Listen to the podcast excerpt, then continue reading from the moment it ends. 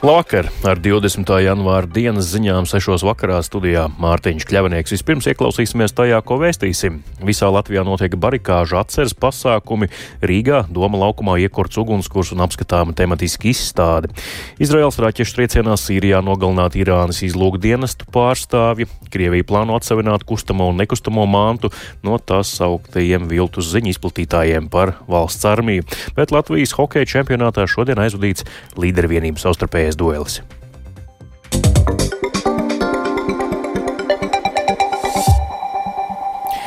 Pieminot 1991. gada barikādes, Doma laukumā iekurts ugunskurs. Barikāžu atceres pasākuma devīze šogad ir barikādēm 1991 dziesmotā revolūcija, kuras dzied dziesmas un skatāma tematiski izstāde vairāk Jāņa Kīņča reportāžā. Ir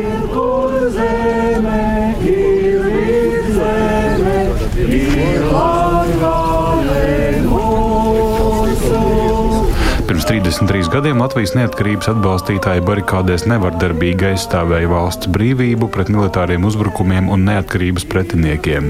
Pieminot šos notikumus 20. janvāra rītā Doma laukumā iekurts tradicionālais barikāžu atceres ugunskurs. Ir apskatāma 1991. gada barikāžu muzeja būsa ekspozīcija, kā arī īpaša lielformāta fotografiju izstāde Dziesmotā revolūcija. Es dzīvoju!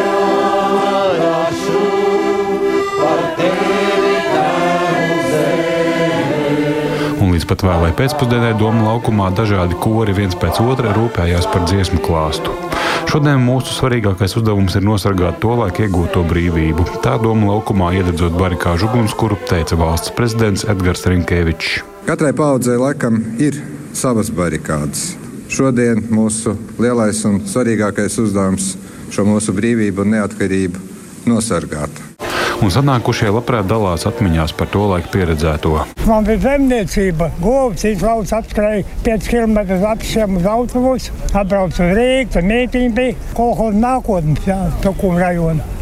Un mums jau bija vecrīgā pie prezidenta pils. Mēs aizbraucam mājā, ka tā šaušana notika. Man bija tad 18 gadi. Es atceros ļoti labi. Bija tā kā cerība, ka mums būs sava valsts. Nu, man bija tikai seši gadi.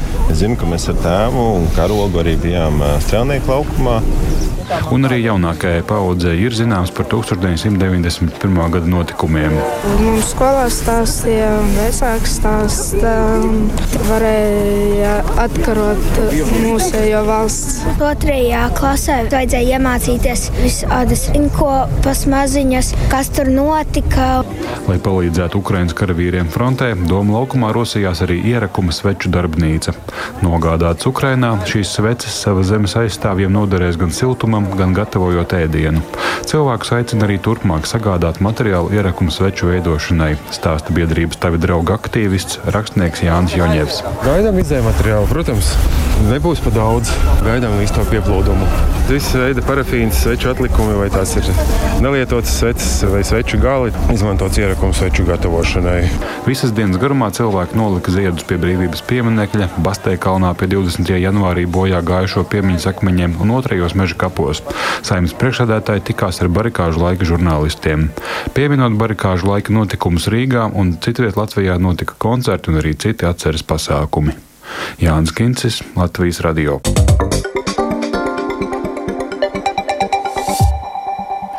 Izraela šodien veica triecienu ēkai Sīrijas galvaspilsētā Damaskā, kur tikās ar Irānu saistīti līderi. Nogalināti pieci cilvēki, ziņo Lielbritānijā bāzētā nevalstiskā sīriešu cilvēktiesību novērotāja organizācija.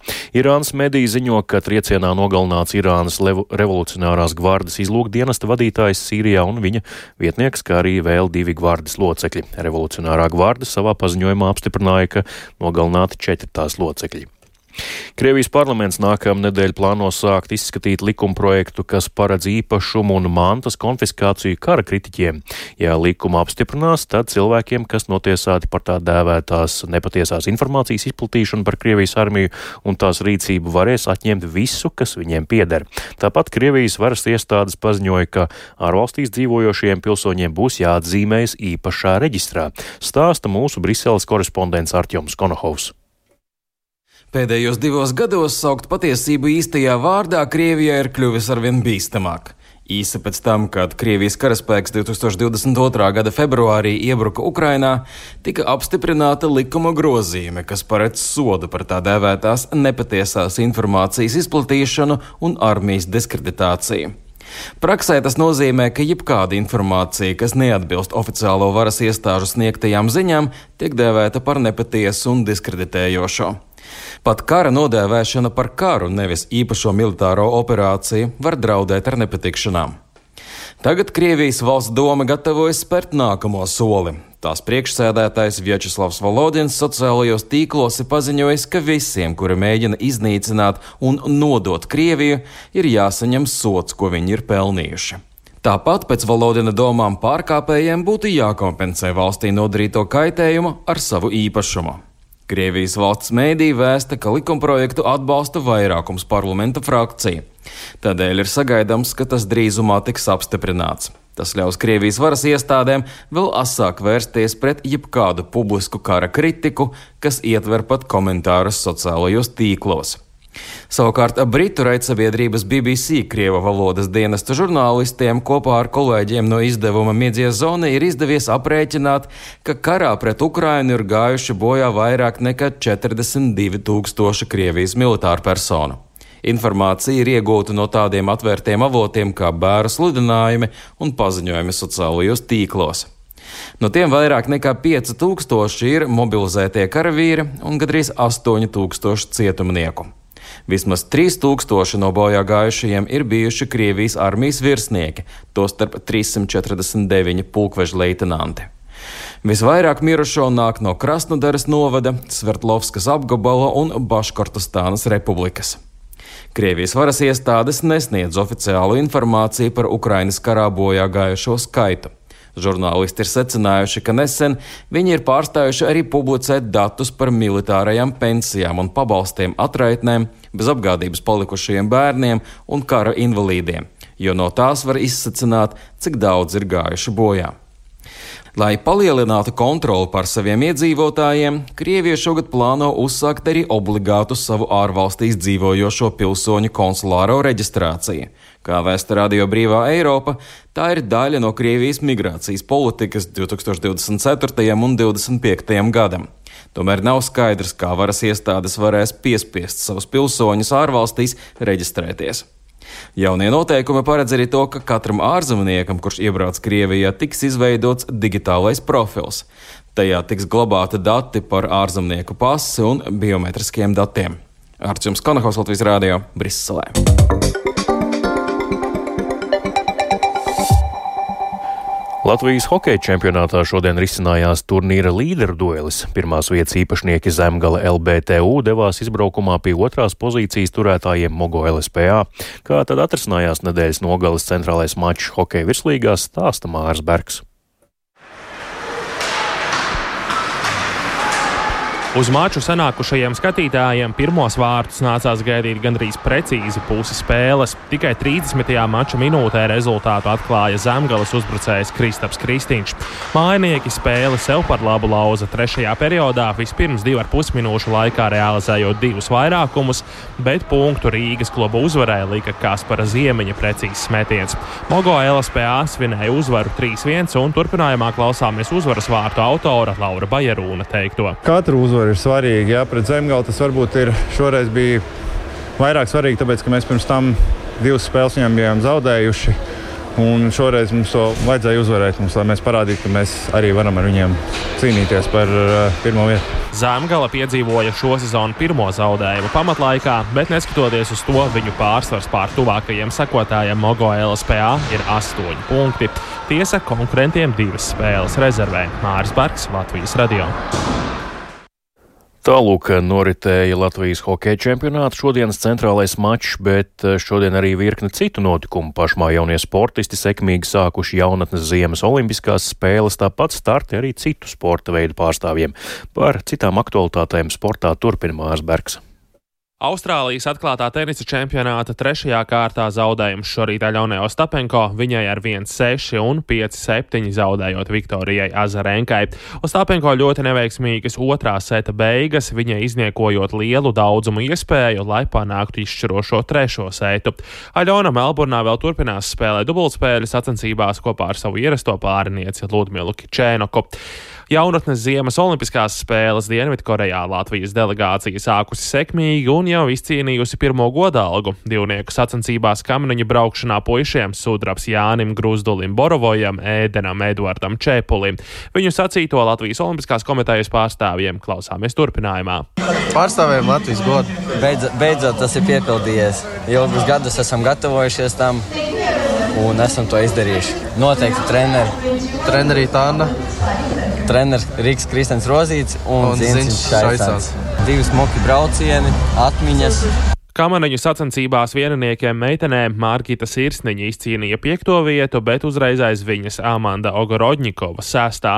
Ar uzvaru šorīt sāka arī Latvijas U16 3 pret 3 hokeisti, kas pirmajā mačā ar 24-5 sagrāva Spāniju. Rīt U16 3 pret 3 hokeistiem mačs ar Lielbritānijas komandu. Anhalcas trasē Itālijā pasaules kausa posmā Biatlonā jaukto pāru stafetē Latvijas izlases līderi Baiba Bendika un Andrejs Rastargujevs izcīnīja piekto vietu. Tas ir otrais labākais Latvijas rezultāts šīs disciplīnas vēsturē pasaules kausa posmos. Uzreiz pēc tam jauktajā stafetē Latvijai neveicās tik labi. Mūsējie no distances tika noņemti jau otrās stafetes posma beigās.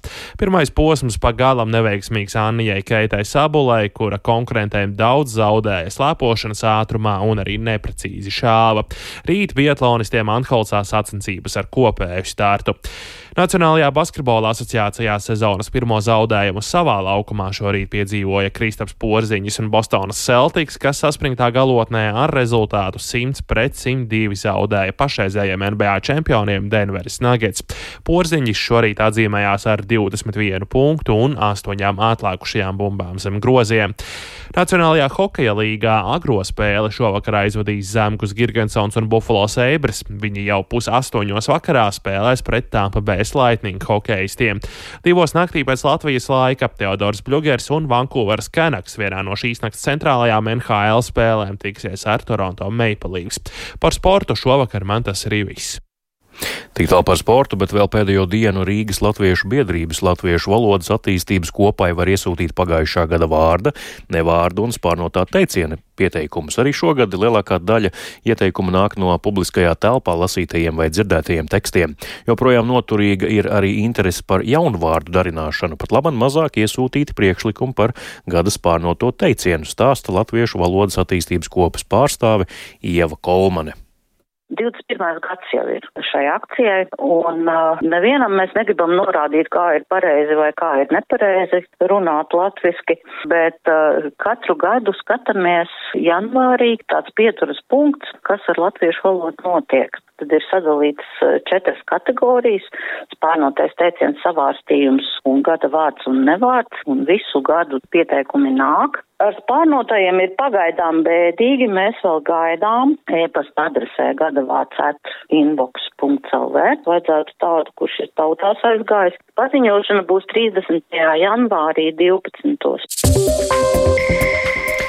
Ar to arī izskan 20. janvāra dienas ziņas 6. vakarā. Producents Viktors Pupiks ierakstus montē Renārs Šteimanis, pieskaņu pults Mārtiņš Paeglis, bet studijā Mārtiņš Kļavinieks un īsumā vēl par svarīgāko. Visā Latvijā notiek barikāžu atceres pasākumi Rīgā, Doma laukumā iekurts ugunskurs un apskatāma tematiski izstāde. Izraels raķešu triecienā Sīrijā nogalināt Irānas izlūkdienesta pārstāvi. Krievija plāno atsevināt kustamo un nekustamo māntu no tā saukto viltus ziņu izplatītājiem par valsts armiju, bet Latvijas Latvijas hokeja čempionātā aizvadīts līderu vienību duelis. Vēl tikai par laikapstākļiem. Latvijas vidas geoloģijas un meteoroloģijas centrs informē Rīgā šobrīd pūš austrumu vējš 2 m2, gaisa temperatūra - mīnus 2 grādi. Naktī Latvijā gaidāms mākoņains laiks, brīžiem skaidrosies, bez ievērojumiem nokrišņiem ceļi būs slideni, atsevišķos rajonos veidosies mīgla, lēns vējš līdz 5 m2, gaisa temperatūra - mīnus 12, mīnus 7, piekrastē mīnus 7, mīnus 4 grādi. Rīta dienā pārsvarā mākoņains laiks, bez ievērojumiem nokrišņiem ceļi būs slideni, dienvidu vējš 4 līdz 10 4 līdz 9 m2, pēcpusdienā piekrastē brāzmās līdz 16 m2, un gaisa temperatūra - minus 6, minus 1 grāds, laika tips otrais labvēlīgs.